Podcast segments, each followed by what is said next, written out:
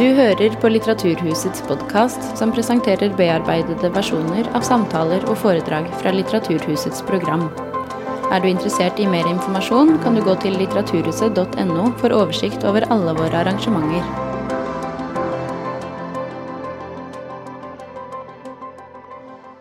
Velkommen. Mitt navn er Linn Rottem, og jeg er programsjef her på Litteraturhuset. Og jeg har gleden av å ønske velkommen til denne kvelden med to av Nordens fremste forfattere akkurat nå. Katrine Nedrejord og Nils Frank. I går kveld så var de begge to til stede under prisutdelinga til Nordisk råds litteraturpris, hvor de begge var velfortjent nominert for 'Forbryter og straff' og 'Faen ta deg', en beretning om kvinnedrap. Katrine Nedrejords roman 'Forbryter og straff' er basert på egne erfaringer med en overfallsvoldtekt i Paris. Og det følger et voldtektsoffers følelser i opptakten til rettssaken mot gjerningsmannen. I et direkte, reflektert språk, i et utsmykka vrede, eh, nærmer hun seg sin egen voldtektsmann. Og romanen skildrer voldens etterdønninger og går skarpt i rette med våre forestillinger om offer og overgriper, skyld og straff. Nils Franks bok 'Faen ta deg', en beretning om et kvinnedrap, tematiserer òg vold mot kvinner og et rettssystem som svikter. I 2021 så blir hans søster skutt og drept av eksmannen sin. Og den fryktelige hendelsen den endra ikke bare Frank som menneske, men nå som forfatter. Han bestemte seg for å ikke drive litterær rovdrift på en tragedie, og nærma seg virkelighetens råskap i et nedstrippa, direkte språk og et rasende sannhetssøken. Som Nedrejords roman kan Faen ta deg også leses som et litterært anklageskrift mot et rettssystem som svikta og forvanska, og mot politiet, som ikke tar på alvor den kunnskapen som finnes om menn som begår vold mot kvinner, og hva man kan gjøre for å stanse det i tide. Både Frank og Nedrejord reiser viktige spørsmål om hvordan forstå en forbrytelse. Hva det gjør med alle oss som er berørt, hva troverdighet er i litteratur og i retten, og hva et litterært språk kan stille opp med overfor brutale forbrytelser. Om tilkortkommenheten ved både rettvesenet og skjønnlitteraturen. Det skriver seg inn i, ikke bare i et litterært rom, men òg i en større samfunnsdebatt, hvor de viktige stemmene til både ofre og etterlatte kommer til orde. Sjelden så har jeg lest to så litterært stilsikre og formfordelte bøker, som samtidig nærmest dirra av en prekær raseri. En akutthet som griper og fester seg i leseren lenge etter endt lesning. Og det føles verken som en klisjé eller en overdrivelse å kalle de her to forfatterne for ikke bare to av Nordens fremste litterære stemmer, men òg to av Nordens viktigste politiske stemmer akkurat nå. Og til å samtale med Frank og Nedrejord så er vi så heldige å ha fått med oss Katine Grøndal.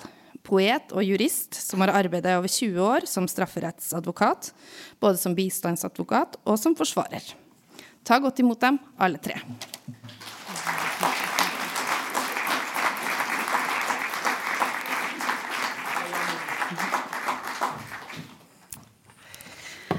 Det var jo en veldig fin introduksjon fra Linn Rottem til bøkene deres, og også til samtalen vår. Eh, si, disse bøkene har gjort veldig inntrykk på meg. Men så er det litt vanskelig å vite hvordan man kan starte en samtale med dere. Fordi altså, de går jo så rett på. Og de handler om eh, personlige traumer. Eh, og så Man får jo på en måte en viss sånn ærefrykt når man leser de. Altså, hvordan begynner man å snakke om noe sånt nå? Det tror jeg kanskje en del tenker. Men eh, samtidig så er det som eh, Linn sa, dette er bøker som vil bli snakket om. Og de eh, går inn i en samfunnsdebatt. Eh, og de går også eh, inn i ja, eh, de, de, forbereder seg også til en offentlig rettergang. ikke sant? De tenker hvordan, hvordan skal denne historien bli tatt om i et offentlig rom som en rettergang er. Så, så derfor er det ikke så vanskelig likevel. Eh, og så er det jo sånn at Dere har snakket sammen. Dere er jo i gang med denne samtalen allerede. Dere har møtt hverandre flere ganger. Eh, og Katrines bok din kom jo ut i fjor. Men din bok, eh, Nils, den, Den er vel, ganske vel kjent i Danmark, men kom ut bare for noen dager siden her ja. i Norge. Ja. Så jeg, jeg, lurte på, siden um, er, din bok er mindre kjent, om vi skulle begynne å snakke om den. Og det er jo ganske oppsiktsvekkende at dette forferdelige drapet det skjer i mars 2021. Og så allerede i september året etterpå så er boken din ute. Ja, det er veldig raskt. det går hurtig. Ja. ja. Kan du si noe jeg lurer på om du kan si litt om hvordan du finner ut at du skal skrive denne boken? Hvordan du kommer i gang med det, og hva du vil med det? Jeg kan begynne med å si noe. Ja. Um, I første omgang hadde jeg ikke en idé om en bok.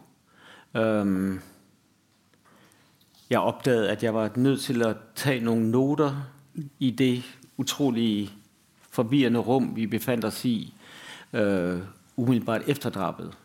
Um, hvor der kommer mange personer spangulerende inn i rummet. Advokater, krisepsykologer, præster, politibetjente. Øhm, og jeg kunne ikke huske hvem jeg hadde talt med bare dagen før. Og jeg kunne ikke huske hva de hadde sagt til meg. Fordi jeg jo også samtidig sad ligesom i et fuldstændig øh, i en opløst øh, tilstand og kunne ikke forholde på, på noen som helst ting. Så i første omgang skrev jeg bare noen noter ned mm. og fant ut at, at jeg var nødt til å ta dagbok. Bare noen ganske få setninger. Hvem har jeg talt med? De viktigste ting vi har talt om, osv. Fra dag til dag. Så jeg hadde ikke i første omgang en, en, en øh, fornemmelse av at jeg skrev en bok. Jeg hadde også tidligere tatt noen notater da det gikk opp for meg at at vi var nødt til å notere hva mannen hadde sagt. Ikke blott til min søster, men også til sine egne sønner. I retning av trusler. Øh, jeg håper I kan tilgi meg for hva jeg kommer til å gjøre. Øh, den der græder sist, den der ler sist, ler best. Du var redd for at dette skulle bli glemt? Altså, jeg var bange for mm. at ingen kunne forstå hva vi sad i, og at politiet ikke ville reagere hvis vi kontaktet dem. Så jeg skrev bare de første ting ned, så jeg tenkte så har vi dog det. Fordi på et tidspunkt får vi måske brug for å kontakte politiet mm. til en akut utrykning. mm. hva vi jo så også gjorde. Um, så der var mange skriverier på en måte ja. i gang mm. tidlig. Uh, men jeg tror måske allerede et par uger efter drabet fant jeg ut av at, at, jeg var nødt til å skrive om det hele. Mm. Øhm, jeg kan ikke sige præcis, hva der satte meg i gang, men det gikk opp for meg at du blir nødt til å skrive om det her. Du blir nødt til å skrive en bok om det. Mm. Og, øhm, og, det fortalte jeg så familien og de pårørende og øjenvidnerne, som hadde sett drabet mm. den forbandede morgen, og, øhm, og håpet at, at alle var innforstået med mm. at jeg ville skrive en bok. Ja. Fordi ellers kunne det jo ikke lade seg gjøre. Mm. Der er jo også noen etiske overvejelser ja. at gjøre seg anderledes, end hvis man skriver en, en, en fiktionsroman. Mm. Øh, men, øh, men jeg fik grønt lys ja. og, øh, og, begyndte å skrive jeg tror to måneder efter drabet. Mm. Og, og, jeg vil bare sige, at ja. det måske jeg fortalte meg selv hver dag du skal bare stå opp og skrive én side. Du skal bare skrive én side. Så har du noe å stå opp til. Fordi det var jo også den situasjonen jeg befant meg i. Hvorfor skal jeg stå opp? Jeg har ingen grunn til å stå opp. Mitt liv er ødelagt. Men hvis du står opp og bare skriver én side, så har, du noe, så har du et formål. Du har et eller annet du kan gi deg til som måske gir mening. Øh, så jeg begynte liksom å, altså på knærne å krype igjennom boken. Så det, det var det var, det var måten det begynte på. Ja. Vi har snakket om at det er et, eh, et, sitat, noen avsnitt jeg tenkte du kunne lese opp fordi det oppsummerer så godt eh, disse overveielsene som du har vært inne på. Eh, et kapittel, Det er jo sånn korte kapitler her. Det kapitlet som heter 'Det jeg vet om menneskene', som kommer omtrent midtveis. Da har du skrevet ganske mye om, om det som har skjedd. Eh, så ja, det er ikke starten av boka. Kunne du lese det? Ja, det kunne ja. jeg godt, men måske skulle jeg lige sige, fordi der er ja. vel en pointe i, at det, man kan se, at, det, at der er gået et stykke tid her, ja. mm. Um, hvor jeg bare har været optaget af at så at sige kortlægge hændelsen, ja. forløbet med min søsters øh, bortflytning fra hjemmet. Um, og da jeg så kommer frem, det er så faktisk begyndelsen af tredje afsnit, der er mm. de her tre afsnit i bogen, da jeg ligesom nået frem til, hvor jeg selv befinder meg. Jeg skulle fortelle hele historien fra hun flytter hjemmefra, øh, og faktisk endnu tidligere, hvor jeg selv oppdager problemet i familien i julen 20. Mm. Så alt det her skulle skrive frem, samtidig med, at der blir ved med at ske noen ting. Så jeg sad liksom i to spor. Jeg skal kigge tilbake og skrive det ned, der er, for, er foregået, og så skal jeg også skrive det ned, der bliver ved med at foregå. Mm. Så jeg har ligesom siddet de to akser og skrevet noget ned. Og på det her tidspunkt er jeg så kommet, jeg tror vi er henne i efteråret 21, det vil sige et halvt år efter drabet. Og så har jeg ligesom skrevet forløbet frem til, hvor jeg befinder mig, og så begynder jeg at overveje, hvad fanden er det egentlig, jeg foretager mig? Mm, ja. Mm. Øh, det var måske egentlig meget klogt at overveje. Mm. Øh, jeg har ikke vist det her til nogen mm. på det tidspunkt her. Øh, jeg har bare min, øh, mit behov for at få styr på alle begivenhederne. Og så begynder jeg så at overveje i et afsnit, ganske kort afsnit. Øh, jeg begyndte å skrive min families tragedie den 19. maj 2021. Det er præcis et halvt år siden. Dengang flagrede hundrevis av detaljer i hovedet på meg, og jeg hadde svært ved å overskue, hvor de enkelte brudstykker hørte til. Det allerførste arbeidet bestod i å få klippet detaljerne inn de riktige steder i forløbet. Jeg lavede mange siders tidsoversigter. Jeg sorterede mine noter kronologisk. Jeg talte med alle involverede for at få de enkelte hendelser på plads. Stump for stump fikk jeg ryddet opp i kaos. Allerede dagen efter, at Elen ble dræbt, begyndte jeg å skrive mine noter. Ikke blot om, hva der var sket, men også om, hva der skete lige nu. Jeg skrev hendelserne ned for å få overblikk over dem, men også fordi jeg nesten ikke kunne fatte, at de skete. I den forstand er bogen her skrevet på stedet. Den er skrevet i et helvedesrum. Efterhånden, som jeg skrev mig gennem hændelserne, begyndte bogen at antage karakter af beskyttelsesrum. På en sær måde skærmede skriften mig mod hændelserne. Det gik op for mig, at jo mere jeg skrev om dem, desto mere fik jeg dem på avstand. Den oplevelse har jeg aldrig haft før med noget, jeg har skrevet. Undervejs lovede jeg mig selv, at når jeg blev færdig med det her manuskript, ville jeg skrive en rigtig bog om det hele.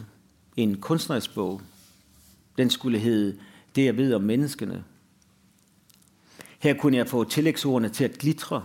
Her kunne jeg skrue op for patos og overdrive lige til skammen stod mig i kinderne.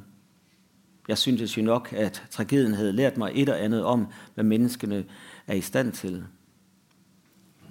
Nå skulle jeg bare skrive kjensgjerningene ned først, så kunne jeg alltid forløse det kunstnerisk senere. Efter de seks måneders arbeid med å samle brikkene er det gået opp for meg at jeg hadde misforstået det hele. Der kommer ikke noen senere bok. Det manuskript, jeg er i gang med å skrive, er ikke en forhistorie til den riktige bog. Den rigtige bog er den her. Da jeg begyndte at skrive, overvejede jeg selvfølgelig, hvordan jeg skulle gøre det. De overvejelser var mest af negativ art. Alt det, jeg ikke ville gøre, det jeg ikke kunne gøre. Du må ikke overdrive, tænkte jeg. Eller jeg tænkte måske snarere, der er ingen grund til at overdrive. Det, der er sket, er slemt nok i sig selv. Du må ikke lave kunst på Elins død, tenkte jeg også. At forstærke historien med saftige tilleggsord og snurrige sætninger forekom meg smagløst, måske ligefrem blasfemisk. Jeg ville heller ikke fortelle om forløbet på en innviklet, sindrig måte, som var det et krimiplot. Du må ikke fortelle om livet på en kulørt måte, tenkte jeg. Det er det alt for dyrebart til. Du må ikke drive skønhed ut av livet. Det er det alt for skrøbeligt til. Det var det, jeg tænkte. Du blir nødt til å skrive det, som det er, så enkelt og ligefremt som mulig. så ærlig som mulig. Desuden var det den eneste måte jeg overhovedet kunne overskue tragedien på. Korte sætninger, små avsnitt, simple titler. Efter beste, men muligvis dekkede evner, skrev jeg om alt det, jeg hadde funnet ut av om menneskene. Ikke blot, hvor grusomt de kan finne på at oppføre seg, men også, hvor bange de kan bli, og hvor svært det er for et menneske at miste en elsket. Hvordan en voldsom oplevelse kan sidde i en uavrystelig som en kronisk betændelse i kroppen. Nu, seks måneder senere, tror jeg godt, jeg kan sige, at jeg ved noe om menneskene. Det er jo utrolig mye man kan fortsette på det. Men jeg tenker her også sier du mye som, som, du også behandler, Katrine. Så jeg tenker at da kan vi koble oss over litt på din bok. Eh, hvordan behandle en slik forbrytelse litterært. Og boka di handler om en voldtekt. Og den første setningen er 'Jeg har bestemt meg for å skrive om ham'. Det er det du skriver. Og så vil du gjøre det. Kan du si noe mer om hva, hvordan det går? Eller hvordan, hvorfor det er ja. det du vil? Eh, altså, eh, jeg hadde jo, Før denne boka så hadde jeg skrevet en annen bok som ble skrevet mye tettere på selve hendelsen. For det her skjedde i 2017, og i 2018 så kom boka 'Forvandlinga' ut. Der jeg skriver om selve traumet. Eh, og da den boka kom ut, eh, så eh, Han hadde vært ettersøkt, den her, for det var jo en fremmed mann for meg. Men de hadde funnet DNA, og han var registrert i eh, allerede begått kriminalitet. Så de visste hvem det var. Og lanseringsdagen eh, for boka 'Forvandlinga' så fikk jeg e-post fra fransk politi om at de hadde funnet han. Mm. Eh, sånn at jeg tenkte jo egentlig tidlig på den dagen, før den e-posten kom, at nå har jeg skrevet det jeg skulle si om det her. Mm. Eh, nå skal jeg gå videre og sånt. Men eh, når han blir funnet, så starter jo en helt ny prosess. Da mm. starter strafferettsprosessen. Mm. Og i Frankrike så tar den veldig lang tid. Og det skjer jo også noe annet når de finner han, for da får han plutselig et navn. Det som for meg bare var en fremmed, nesten som jeg kunne gjøre til et monster i, i mitt eget hode, blei plutselig et menneske. Mm. Og det syns jeg var vanskelig. Jeg, visst, jeg, visste jo at det var et menneske, men mm. eh, vet det på en måte på en intellektuell måte, men ikke på en følelsesmessig måte. Så jeg begynte, et, uh, begynte, å skrive rett og slett for å nærme meg han og prøve å forstå hvorfor han gjorde det her mot meg. Mm. Den eh, første ideen min eh, var å skrive en bok fra hans perspektiv. Mm. Men det gikk ikke. Så egentlig så er det her en bok om et mislykka romanprosjekt. Mm. Ja, det, så vi ser det ble en annen roman. Det er litt av en oppgave for akkurat deg å skulle skrive den boken. Ja. ja. Men jeg har en sånn Når jeg ikke forstår noe, sånn har jeg alltid vært, så vil jeg prøve å forstå det. Mm. Jeg tror ikke at jeg fortsatt forstår det, men jeg er litt nærmere en slags omkring en slags forståelse om hvorfor noen gjør det på en mm. intellektuell måte, men fortsatt følelsesmessig kan jeg ikke begripe hvordan noen kan gjøre det her mot et annet menneske. Mm. Og det gjelder for så vidt begge de her to forbrytelsene, og mm. så mye av forbrytelsene er kommet over i mm. researcharbeidet også til boka. Mm. Ja. Det, er jo to helt sånn fra strafferettsperspektiv to opplagte forbrytelser. Altså hva som har skjedd, og hvem som har gjort det, er det ingenting å lure på. Men allikevel all verdens hvorfor som stiger opp av det.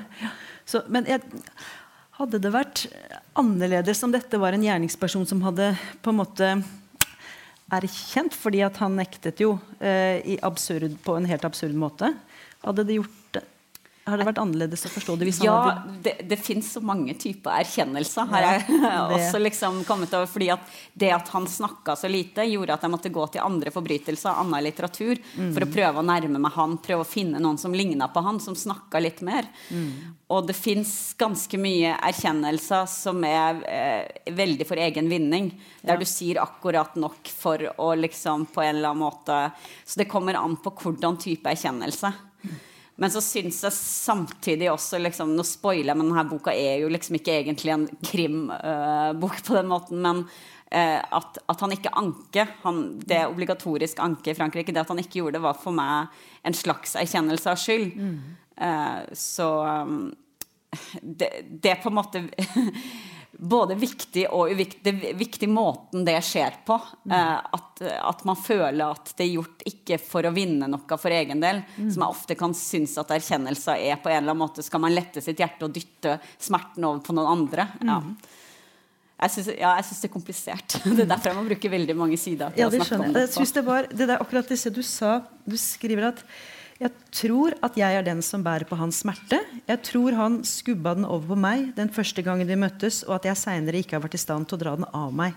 Kvitte meg med den. Det er jo en utrolig sterk og fin beskrivelse av det som kan ha skjedd. At, at, ja, en måte å se en voldtekt på. Ja. Ja. At en smerte som eh, man, Noe utålelig som man ikke klarer å bære på, og så jeg, jeg tror jo ikke det er mange voldtektsmenn som er, er helt, har det helt bra med seg sjøl. Nei, det, det, det er jo et eller annet der som, eh, som Det må jo være en smerte der i dem. Mm. Ja, Men han klæder seg, erklærer seg også ikke skyldig, så vidt jeg ja har Man forstået. kler, eh, kler seg ikke skyldig. Ja, selvom man har funnet DNA Ja. fra hans uh, sæd. Ja. Øh, så man tænker, hvordan, det er jo det samme i min sag, Ja. Hvor der er otte øjenvidner, men alligevel erklærer manden seg ikke skyldig. Og helt det er jo et ret besynderlig forhold, fordi man tænker, det var måske den første erkendelse, en person kunne gøre sig. Jeg erkender, at jeg har gjort noget forkert, og så må jeg jo arbejde med den erkendelse. Men jeg erkender ikke engang, at der er gået noget galt. Nej. Og muligvis erkender jeg det ikke, fordi min historie handler om, at det er de andre, der har begået noget. Mm. En fejltagelse. Du har mm. som, øh, som kvinde gået alene hjem i byen, øh, øh, eller fra byen, i måske lidt beruset tilstand osv. Det er mm. virkelig dig, der har provokeret mig Ja. til min handlemåde. Ikke? Mm. Så den, den, mm. den måde at fortælle på, mm. som, som, hvad skal man kalde det, ødelægger fakta. Det er jo, det, er jo Ja. det, vi genkender i de her sager. Ikke? Er er det også fordi denne svogeren som så forstyrret menneske, som liksom ikke kan eh, ja, forholde seg til virkeligheten og så tenker at det også virker som en driver i din bok, at du er nødt til å nedtegne alt. Altså Dette er en person alt vris på, så dermed må du prøve på en måte å skrive ja, hvordan var det? Og så tenkte jeg, Den er jo til, dedikert til hans sønner. Sånn at, ikke bare for rettssaken, men at de skal vite på en måte hva Jeg vet ikke om det var en tanke. Denne historien om hva som virkelig har skjedd, må jeg skrive ned. Ja. yeah, men jeg, jeg, altså jeg, på det tidspunkt, hvor jeg går i gang med bogen, har jeg jo ingen anelse om, Nei. hva som skal skje. Det er jo også annerledes enn å skrive en mm. alminnelig lad os sige, roman. Ja. En fiksjonsbok, mm. hvor du vel på en eller annen måte har en idé om nogle punkter, du skal nå frem til, muligvis endda en slutning. Men her ved jeg jo ikke, hvor det ender. Øh, jeg kunne jo godt forestille mig, at der sikkert kommer en retssag, det vil der jo gøre, men jeg ved, vidste ikke, hvor det tidspunkt han ville erklære sig ikke skyldig. Mm. Øhm, så på en måde sad jeg med Ja. en fortælling, som jeg ikke anede, hvor ville øh, gå hen. Så det er jo en, en Ja. anden måde at, ligesom at sidde i en usikker position som forfatter på, fordi du, du, du ved jo egentlig ikke, om du kan afslutte din bog. Mm. Øhm, så den fortælling var ikke bare... Altså jeg, kunne, jeg kunne ikke sætte mig ned og sige, at jeg skriver en korrektiv fortælling til drabsmandens fortælling, for jeg vidste ikke, hvordan han ville forholde sig. Mm. Så på, på det, jamen, altså, det var mere for mig et spørgsmål om at få orden på mm. noget, som bare lå og rode. Jeg vidste ikke, øh, mm. som sagt, hvem jeg havde mødt. Jeg vidste ikke, hvor min søster havde boet. Hun nåede at bo seks steder, tror jeg, undervejs på nogle få uger. Mm. Øhm, jeg kunne ikke huske, hvornår manden var kommet med de og de trusler, så det var bare et spørgsmål om å få, mm. få lagt placeret tingene på den rigtige måde.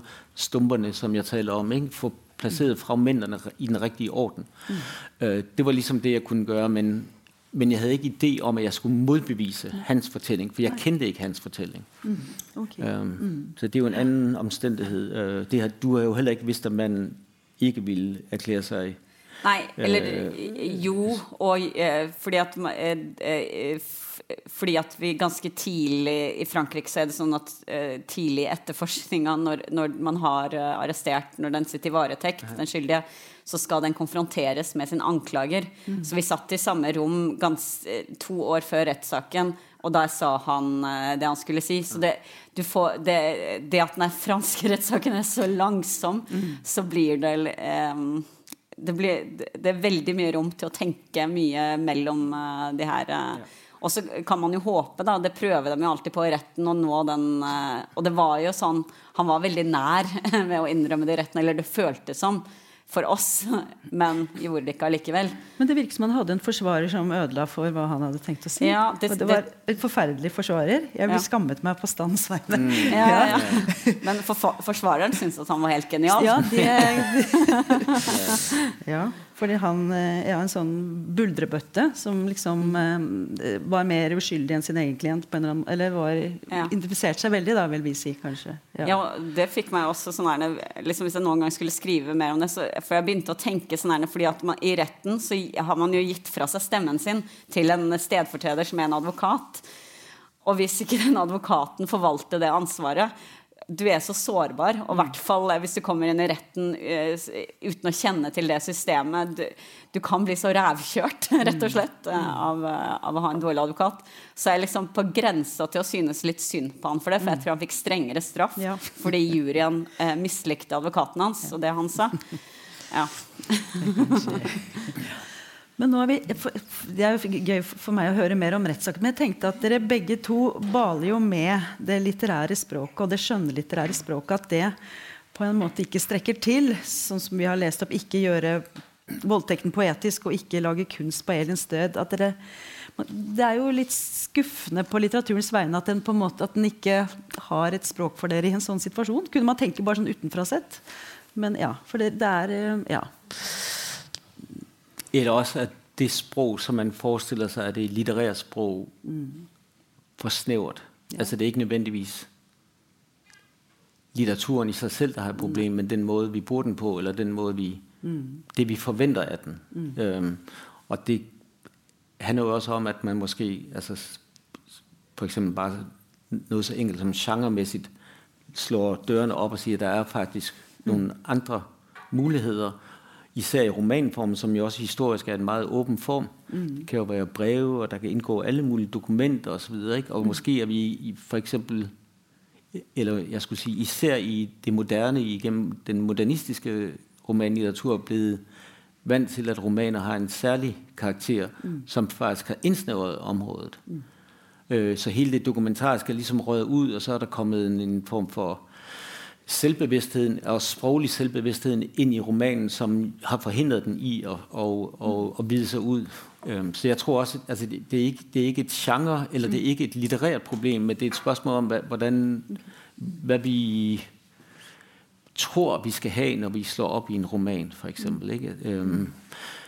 Og der er min fornemmelse, at de her øh, begrænsninger er begyndt at røre på sig. Det ved vi jo alt, eller det ved I alt om i norsk litteratur, øh, ja. med, med den, de seneste års autofiktion ikke? At, at grænserne bevæger sig, fordi man hele tiden søger større og større frihed som kunstner. Det er jo ligesom det, vi har brug for. Vi har brug for, for frihed og brug for at fortælle det sådan, som vi selv oplever det. Um, og der er de her bøger jo også udtryk for, at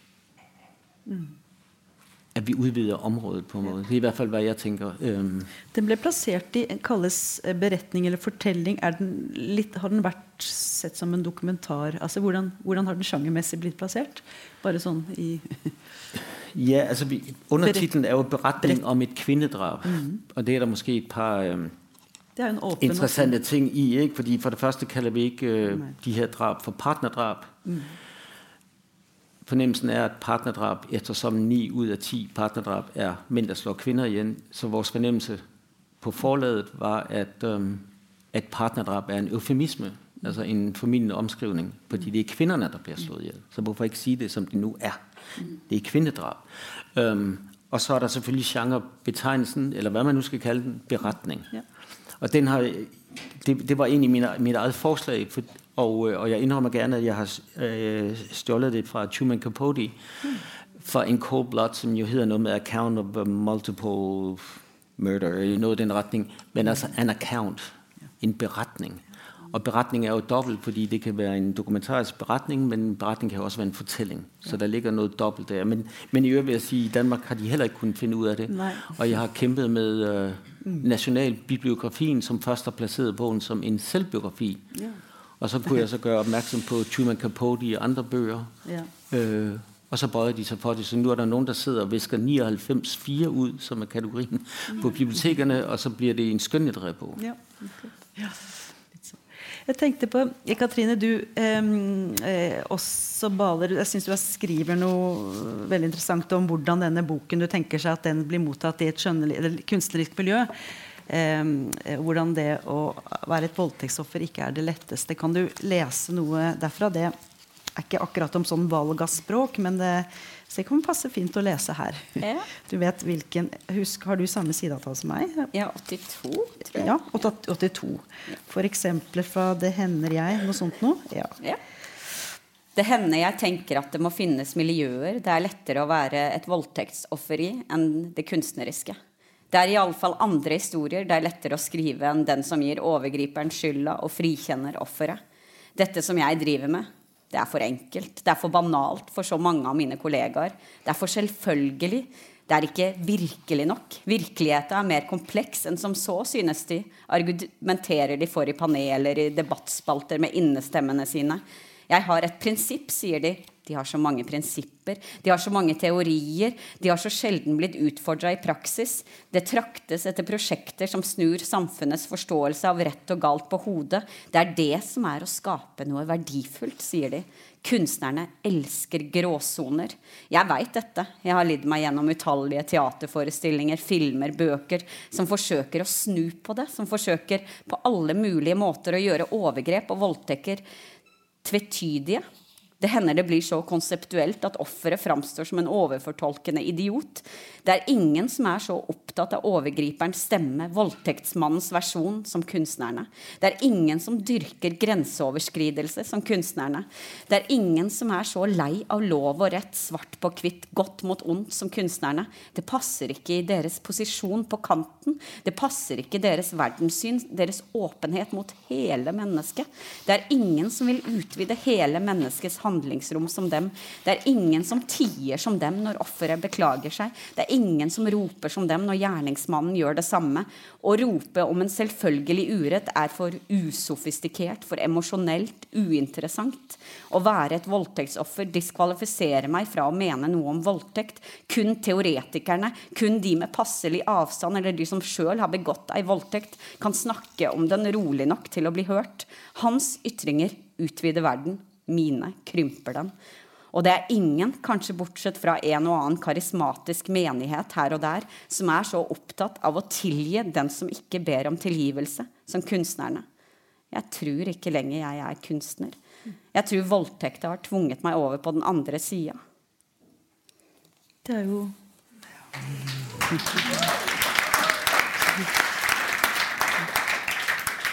Det er noe å tenke over. Ja, jeg syns du treffer noe veldig godt med det. Men jeg tror ikke lenger jeg er kunstner. Men det har du fortsatt å være. det er bra. ja. Men, eh, ja, og det står flere steder om dette her. Eh, at, eh, at, det på en måte ikke passer å skrive en sånn enkel fortelling hvor det er helt opplagt hvordan skyld er, sånn som det er i din historie. At den, at den blir liksom for banal og vanskelig. Passer ikke inn i det litterære. Da er det, liksom, ja, da er det noe med en sånn litterær troverdighet da, og framstilling som ikke egner seg. Det er jo Ja. Ja, det, det, er noe med Eller mitt tidligere syn på hva som, eh, hva som utgjorde god litteratur. Ja. Du skal gjerne overraske, og du skal gjerne eh, Alle, alle eh, figurene skal, figurene, karakterene skal være komplekse mennesker med gode og onde sider. Og så, kom, så uh, møter jeg på en forbryter uh, som ikke engang vennene klarer å si noe godt om, i, uh, som ingen besøker i fengselet, som, som, rett og slett ingen bryr seg om i verden. og han fins i virkeligheten, men i en roman så blir han pro problematisk. fordi at jeg kunne allerede når jeg skulle begynne å skrive der, høre kritikerne si ja, men det må jo finnes det må jo finnes noe annet ved han, for man vil ha en kompleks figur. Så hvis jeg skulle skrive eh, sant om han, så ville det være dårligere litterært, tenkte jeg. Eh, men, eh, eller hvis jeg skulle skrive en god roman ut fra det som jeg ofte oppfatter som eh, kritikere f.eks. eksempel er ute etter, så måtte jeg bevege meg langt vekk fra sannheten. Da måtte jeg lage en karakter som de ville like, verdsette bedre. Og da blir jeg sint på litteraturen. Ja. For litteraturen skal jo uh, snakke. Uh, mye, ikke all litteratur, men den litteraturen som jeg ville skrive, skulle snakke om virkeligheten. Og det kunne jeg ikke gjøre, og samtidig eh, gå god for de her sjangerkonvensjonene eller det som skal lage en god og kompleks roman. Eh, så jeg, ja, jeg krangler litt ja, krangler med mitt eget litteratursyn. Mm. Og du, du, sier på et tidspunkt du, du, begynner jo å si at du skal snakke om han og forstå han. 'Jeg kan ikke skrive om han, jeg kan ikke forstå han', sier han. Og han, jeg tror ikke han forstår seg selv engang. en måte, ja. men, men, du er jo en kompleks figur i denne litt sort-hvitt-historien. Det må jeg si. Du framstår som en på en måte, Alle dine liksom, overveielser og sånn, de er jo veldig interessante å følge og eh, ja, nyanserte. Og, ja, den kampen du Eller den personens kamp da, mm, for å forstå. Mm. Det er det jeg syns er deilig med eh, Du får så mye plass i en roman til å eh, si deg sjøl imot. Ja. og gå i ulike retninger. Og sånn er det jo. Du føler så mye eh, forskjellige ting i møte med forbrytelse, også når det kommer frem nye opplysninger underveis. Det ser man jo også i, din bok. At, at, det drar en i ulike retninger, og så blir en kjent med et system som man ikke har hatt uh, nært på seg. Sånn, uh, vi begge blir jo liksom kjent med rettssystemet i de respektive landene, som er ganske ulikt, men som helt klart begge systemene er, har sine feil og mangler. jeg blir jo liksom Rett, eh, rettssystemet er jo også lagd for å lage så ukompliserte historier som mulig. For du skal si det på så kort tid. Du har få timer i retten til å snakke om, veldig, om et helt liv, nærmest. I hvert fall eh, eh, når det gjelder selve den forbryteren som skal dømmes. Men så vil begge advokatene på begge sin side lage en så forenkla eh, historie som mulig for å få juryen på sin side. Så jeg, jeg, tror særlig forbrytelser trenger romaner, mm. eh, bøker, for å snakke om hvor, hvor komplisert og eh, alle aspekter ved en historie som ikke er plass til i de få timene man har til rådighet i en rettssal. Nei, så Rettssaker gir jo ikke svar på hvorfor. ikke sant? Det er jo ofte bare at ting har skjedd. Nei, det, det er sant. Det, faktisk, Nå hvor du spurte hvordan min bok var gått i gang, ja. da glemte jeg å si at noget af det, der også var min første tilskyndelse til at skrive, var de noter, jeg skrev ned. Jeg tror, den anden nat efter drabet, hvor jeg tænkte, nu skal jeg huske at skrive ned mm. det, jeg skal sige i retten. For jeg bliver jo indkaldt i retten, selvom jeg ikke har været vidne til drabet. Ja. For jeg ved jo noget om deres forhold, mm. om min søster og hele historien. Mm. Og så går det op for mig, at i hvert fald i Danmark bruger man ikke kronvidner, altså vidner, der ikke nødvendigvis er øjenvidner, men vidner, der fortæller om omstændighederne. Mm. Fordi ingen i retssystemet er interesseret i omstændigheder.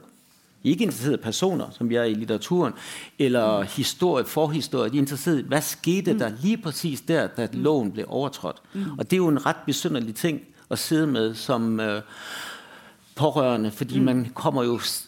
Kommer jo med hele sin bagage af mm. forhistorie og øh, anekdoter og fortællinger, og dem kan man ikke få lov at aflevere. Det er så den ene ting. Den anden ting, hvad, an, hvad angår retssystemet, er jo, at øh, retsstaten overtager sagen. Mm. Altså man tænker, familien er blevet ødelagt, det er foregået i familien, men det er jo ikke os, der fører sagen mod manden. Nej. Det gør staten, ja. fordi familien har ingen love, der kan blive overtrådt. Det har staten, mm. så staten overtager sagen. Med det, den konsekvens, at man jo heller ikke har ret til at få alt at vide som familie. Mm. Så pludselig sidder vi uden for sagen. Mm og skal prøve at få fat i nogle nyheder om, hvad, hvad arbejder politiet med, hvordan har de tænkt sig at køre sagen, hvad kan specialanklageren tænke sig at have af metode i sin øh, afhøring osv. Ikke? Og det er så noget, jeg sidder og arbejder med, og det ser man jo i bogen, hvor jeg også prøver at kontakte, fordi nogen siger til mig, det kan du faktisk godt, så jeg kontakter specialanklageren. Som er ved at få et nervesambrud over, at jeg har kontaktet hende, fordi det må man slet ikke. Og som er veldig arrogant også. Fullstendig arrogant og sier jeg kan overhovedet ikke uttale meg om saken', og det kan hun jo heller ikke, men det var heller ikke det, jeg bad henne om. Ja. Men vi sitter plutselig, vi føler oss liksom sendt utenfor lokalet, ja. og så kan staten køre vår sak. og så vi sidde udenfor og græde. For jeg synes begge, fordi jeg tror da, som jeg skrev til dere, at jeg tror da um, ordningen her i Norge med bistandsadvokater og informasjon til etterlatte og fornærmede er bedre i Norge. For jeg blir sånn fortvilt. Mm. Å, jeg skulle gjerne vært bistandsadvokaten deres, tenker jeg. fordi at jeg, jeg ville funnet ut det. Jeg ville ringt hit, jeg ville arrangert møte med anklageren. Altså vi, man har nok mer, Meningen er ikke det at man skal sitte som et sånt rart bevis og ikke føle at man skjønner hva som skjer. Man får nok informasjon uh, tidligere, men det er klart uansett så føles man litt på siden. Mm. så tenkte jeg det som også er så rystende i din historie, som du ikke har snakket om, Nils, er dette her at du selvfølgelig lurer på kunne dette drapet ha vært avverget, og alle disse tegnene, og, og hvorfor gjorde ikke noen, hvorfor gjorde ikke politiet mer? Mm. Og det leser du om, og det forsker du på. kan du si litt om det? Ja, ja altså de, um jeg har ikke noen kamp mot politiet, Nei. og jeg har ikke tenkt meg å uh, bruke energi på at uh, at få nogen til at forstå, at politiet har lavet fejl osv., men der er jo foretaget nogle fejl i sagen. Mm. Øhm, for eksempel pålægger det politiet i Danmark i hvert fald, at hvis, man, hvis der indkommer en anmeldelse om fysisk eller psykisk vold, så skal der foretages en risikovurdering. Mm. Altså politiet skal rent faktisk undersøge, hvor, hvor gralt ser det ud i den her familie. Men det har de ikke gjort. Mm. Øhm, Ja, jeg, jeg kan nævne et, et hav af eksempler mm. på, hvor, hvor politiet ikke opfylder de krav, der faktisk er stillet. Øhm, da jeg spørger efterforskningslederen på et tidspunkt, det står jo også i bogen, at kan, er der, ved du, om der er blevet foretaget en risikovurdering? Mm. Jeg spørger altid indirekte. Jeg spørger ikke, har du foretaget en risikovurdering? For derfor siger ja, det har jeg da så sandelig. Det er ikke det, jeg spørger om. Jeg spørger, ved du, om nogen har gjort det? Fordi så er det ikke hans ansvar, og jeg, og jeg kritiserer ikke ham. Mm. Så jeg spørger indirekte, ved du det? Og så sier han, det er der jo på den måte at han, drapsmannen har gått til psykolog. Mm. Og det havde han faktisk nævnt, og vi, ingen av oss trodde på det, fordi han løg jo hele tiden, så vi trodde faktisk ikke, han hadde gått til psykolog. Det havde han så en gang, og eftersom det var under coronatiden, så har han ikke møttes med den psykolog, han hadde fundet, men de har siddet på skærm sammen. Mm. En gang, 45 minutter, med det resultat, at psykologen skrev et brev til politiet, hvoraf det fremgik, at hun mente, at man ikke var syg og ikke var farlig, og godt kunne få sine våben igen. De var konfiskeret i mellemtiden. To uger senere skyder han min søster. Um, og der, altså, der er jo så mange underligheder i det her system, hvor man tænker, kunne det ikke være undgået der? Har nogen ikke opdaget noget? Uh, mental udredning undervejs efter drabet. Hvorfor er der ingen, der spørger os om oplysninger om manden? Alt det, der indgår i mentaludredningen, mm. kommer fra manden selv. Mm. Så resultatet er selvfølgelig, at han bliver erklæret ikke syg og ikke farlig. Mm. Og alle vi andre, inklusive mig selv, er rystende nervøse for, hvad der skal ske den ja. dag, manden kommer ud, men det fremgår ikke af nogen officielle dokumenter. Nej. Så igen den der fornemmelse af, at vi ved noget, ja. og vi er eksperterne, men der er ingen, der bruger os. Mm. Det er veldig foruroligende. Det er det. Ja. Det er, altså, det er, jo sånne drap det er sånn Partnerdraputvalget eh, kalte jo sin utredning her i Norge 'varslede drap'. At det mm. nettopp er mange forvarsler. Sånn at det mm. går an. Eh, og det er ja, eh, ja, det går an å, å, prøve å finne ut mer. Og, og, og, i Norge så har det partnerdrap gått ned. Eh, etter, man vet ikke om det er pga. at man har blitt bedre til å oppdage det. Men det, 2016 så gikk det litt ned. Det er jo mhm. positivt. Ja, det er det, absolutt. Ja. Det er åtte per år i Norge. 15 per år i Danmark. Er det sånn?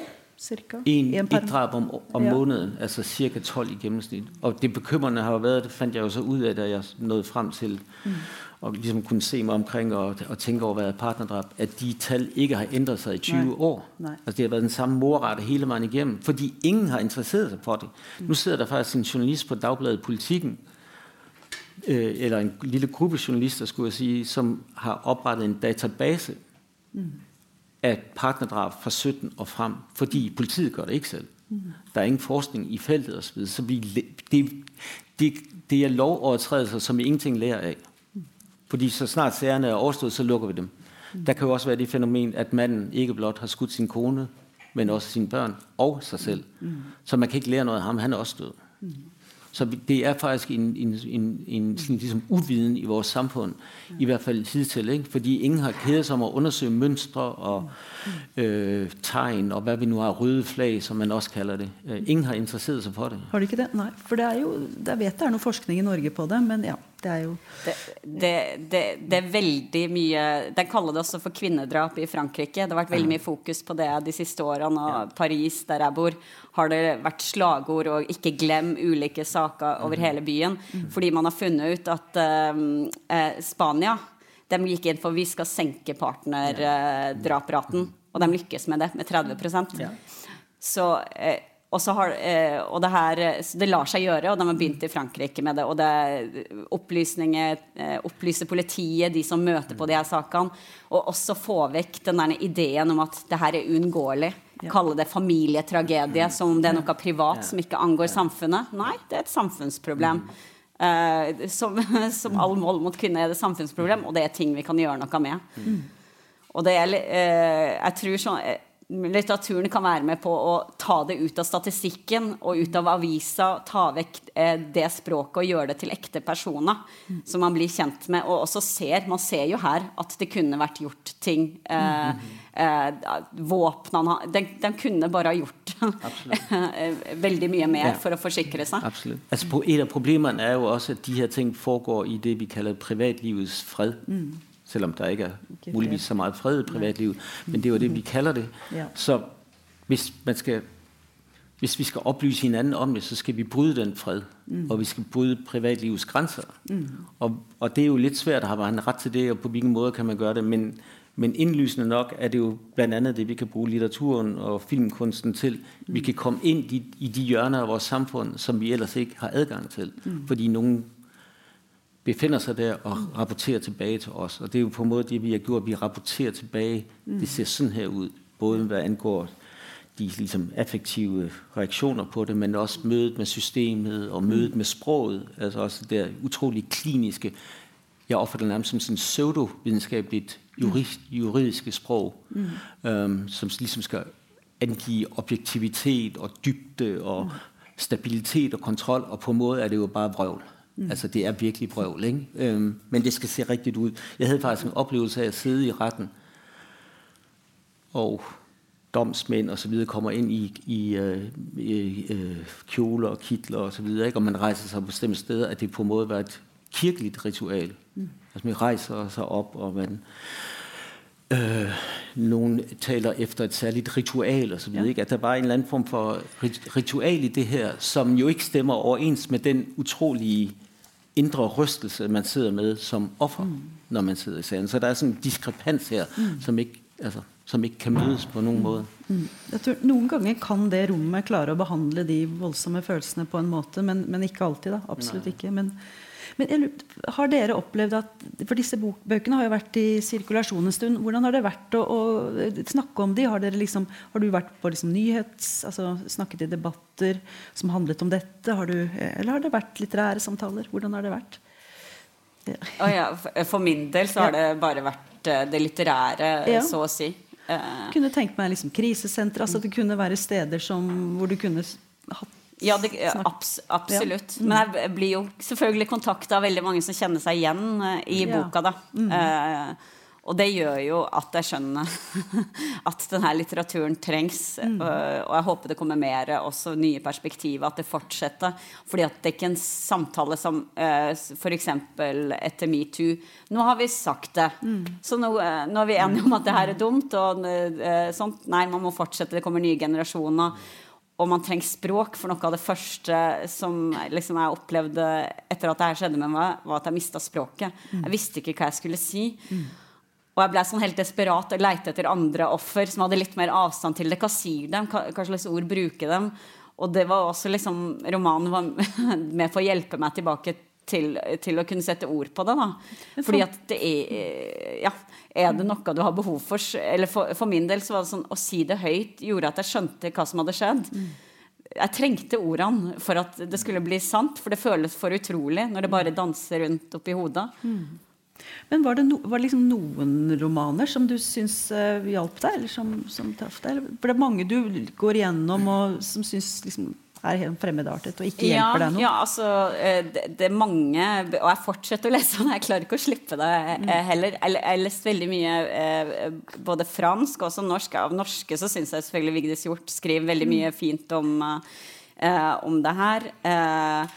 Og, og, i Frankrike så har jeg lest både uh, mye dårlig uh, som er, Der hvor det er litt sånn Vi snakka om litt før denne samtalen på det her med å dyrke det mystiske i kriminaliteten. Mm. For er det noe som jeg liksom har skjønt, så er det det at kriminalitet er ganske banalt. Mm. Og forbryterne er ganske banale. Mm. De er ikke noe mystiske geni, og det elsker avisene. Gi dem kallenavn, mm. eh, gi saken kallenavn. Eh, liksom kjøre opp og overfokusere på liksom den ene naboen som sier 'jeg skjønte ingenting', mm. fordi at det er noen som som regel har skjønt. og det eh, begge de her to bøkene viser at det kommer en forbrytelse. De aller aller fleste forbrytelser kommer med mange forvarsler og mange tegn til at det her skal skje. Det skjer ikke ut av det blå.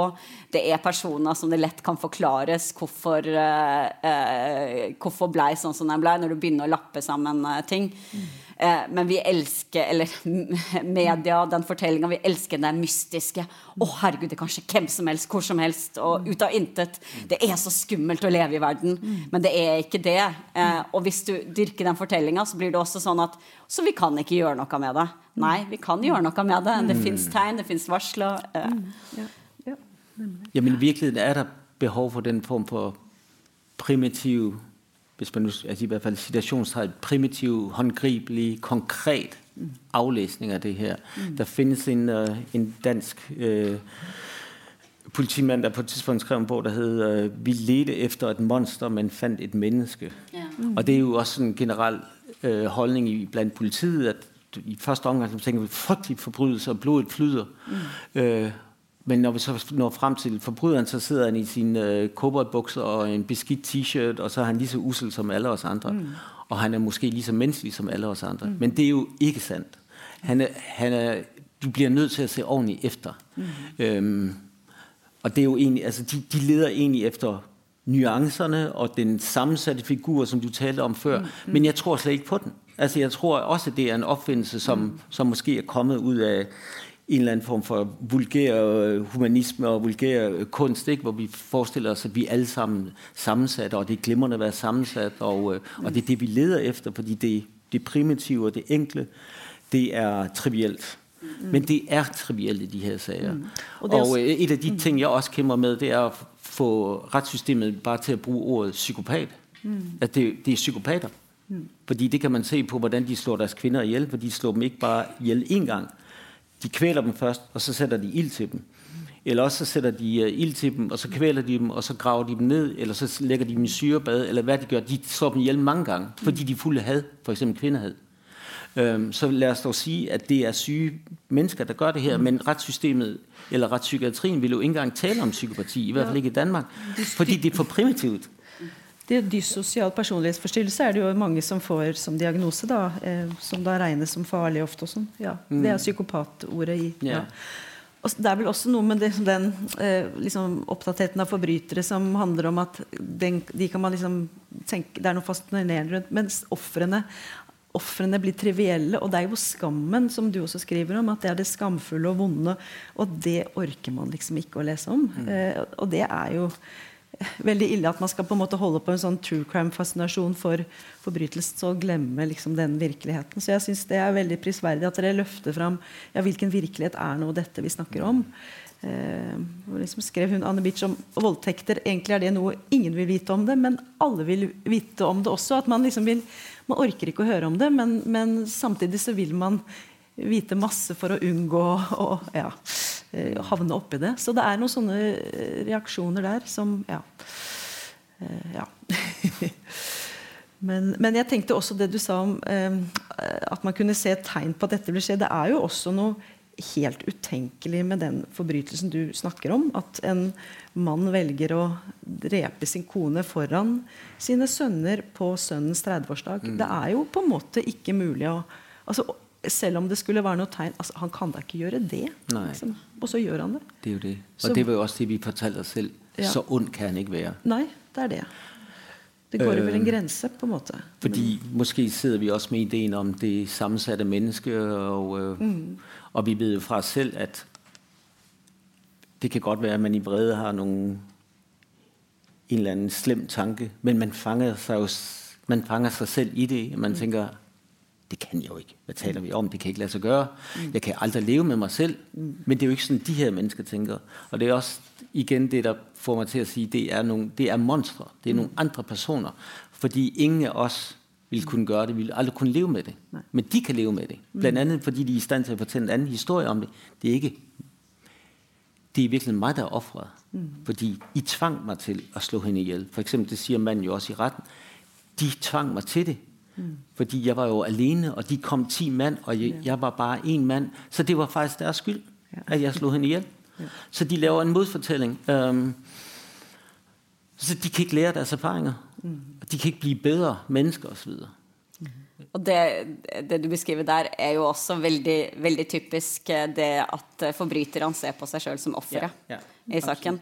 Eh, at det, det som omstendighetene som har tvunget dem til å begå forbrytelsen. -hmm. Men det var, i min rettssak så var det jo flere psykiatere som vitna, og de snak, det var bl.a. en som snakka om at eh, alle de handlingene som må til for at det her skal skje. Det er så mange steder du kan stoppe deg på veien, mm. og det gjør at det er um, det, det, er så stor grad av tilstedeværelse, fordi at det er kompliserte handlinger for en voldtekt, og også for det her, for det er jo et planlagt drap med masse våpen eh, som sto klar, mange muligheter det, skulle skje. Så det er så mange steder han kan ombestemme seg. Eh, men han gjør det ikke. Og det ville jo så mange andre mennesker stansa seg sjøl. Så du må ha en sånn en ekstrem grad av selvsentrerthet og ego for å kunne sette deg over andre, andre mennesker på den mm. måten. Du må kunne velge vekk empati. Ja, men det er jo det der problemet, og det er også derfor det er en særlig karaktertype. Ikke? For de er ikke i stand til å operere efter de følelses, det følelsesspråk vi andre sidder med, og den samvittighet vi sidder med, og den empati vi sidder med overfor andre. De kan ikke agere mm. på den her sociale måte øh, som, som vi andre gjør når vi orienterer oss i det, i det mm. offentlige liv. Det, det kan de ikke, og, øh, og, de er heller ikke interessert, fordi de andre mennesker betyr ikke noe for dem. Mm. Og da er det vel ingen aldri i verden snakk om noe forsoning eller forståelse. Da stanser jo alt der, på den siden. Og det er jo ja, eh, du, du, skriver litt om forsoning og tilgivelse og avviser mm. på en måte de tankene. Men så skriver du på slutten at, på en måte, at boken er ditt forsoningsrom. Eh, fordi at du ville aldri kunne møte opp i et konfliktråd, og skal vi snakke sammen, men at For du prøver ja. å forstå ham. Ja, jeg nærmer meg på en måte han eh, og veldig ofte de, de her altså forsoningsmøtene for, for det her er jo en form for supplement til rettsstaten. Fordi at nettopp eh, rettssalen og rettssaken og rettsprosedyren har sine mangler. Man tar jo vekk menneskeligheten, sånn som du også snakka om. Det staten som tar over. Vi er rett og slett utbyttbare brikker. Samtidig, for noe av det mest dramatiske som har skjedd i vårt liv, så er vi på en måte ikke en del av det. Det er rar, en rar følelse når du begynner å skjønne at jeg er ikke viktig for denne saken. Så, eh, det, det, her er samfunnets reaksjon på, på, en handling som samfunnet finner uakseptabelt.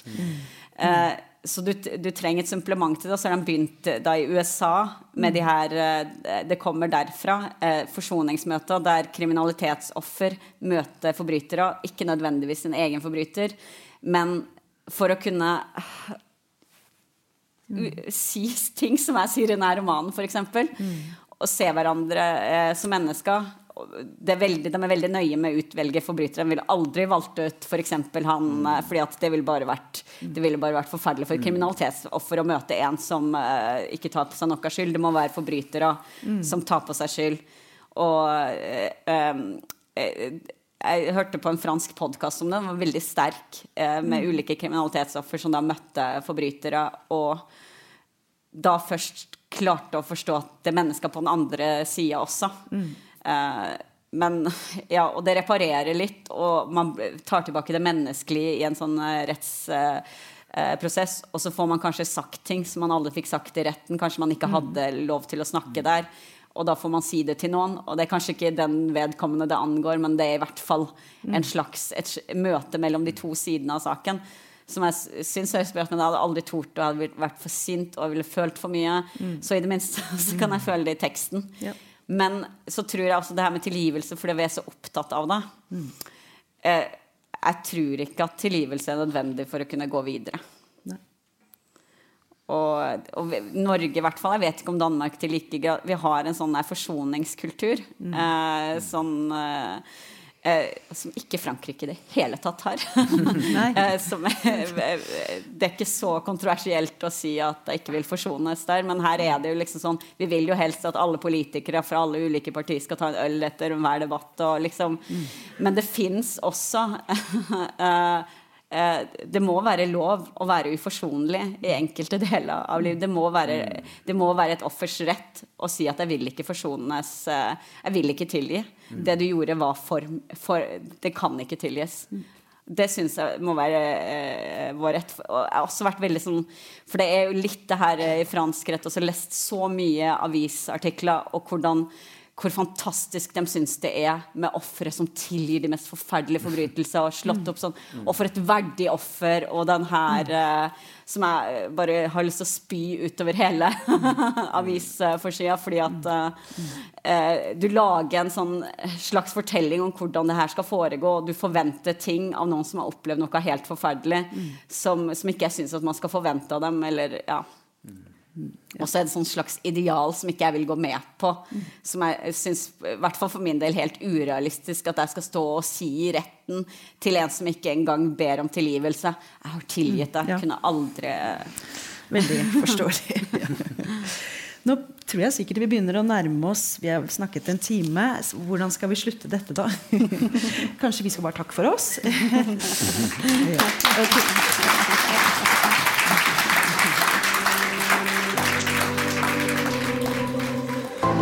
Du har hørt på Litteraturhusets podkast, som presenterer bearbeidede versjoner av samtaler og foredrag fra Litteraturhusets program. Del gjerne podkasten med familie og venner via iTunes eller Soundcloud om du liker det du har hørt. Følg oss også på Facebook og på litteraturhuset.no for informasjon om flere aktuelle arrangementer. Musikken er laget av Apotek.